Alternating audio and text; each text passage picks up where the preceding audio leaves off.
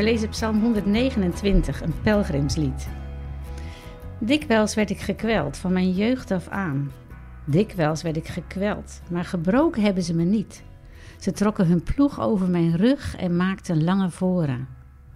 Maar de Heer, die rechtvaardig is, sneed de riemen van de drijvers door. Beschaamd deinzen terug allen die Sion haten. Ze zijn als gras op de daken, dat verdort nog voor het bloeit.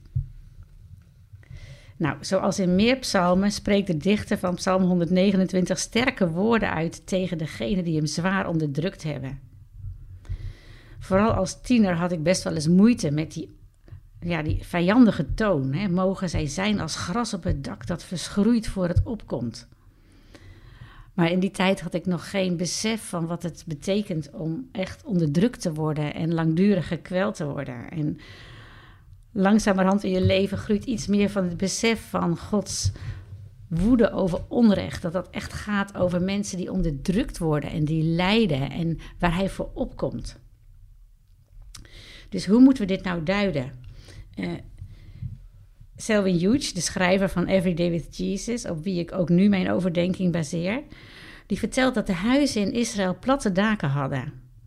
En daar werd, grond en afval op gegooid. dat was eigenlijk voor de isolatie. Maar alles wat er uit dat dak opkwam, had maar een kort leven, omdat de bodem ondiep was. Het is eigenlijk een humoristisch beeld en ook wel geruststellend, omdat het laat zien dat oppositie tegen Gods kinderen uiteindelijk geen zin heeft. En daarmee wordt het juist een krachtig, troostrijk woord voor ieder die onderdrukt wordt. En dan staat er verderop in vers 8: Geen voorbijganger zegt: Mogen de Heer u zegenen. Huh? Dat lijkt toch iets anders dan: Heb je vijanden lief? Waarom ook hier zo kribbig? Nou, het is van belang om de hele psalm in het oog te houden. Het gaat dus om iemand die vanaf zijn jeugd, zijn hele leven onderdrukt is geweest. En hij roept tot God en vindt bij hem gerechtigheid. En daar hoort bij wat God in Zacharias zegt: Ieder die jou raakt, raakt mijn oogappel.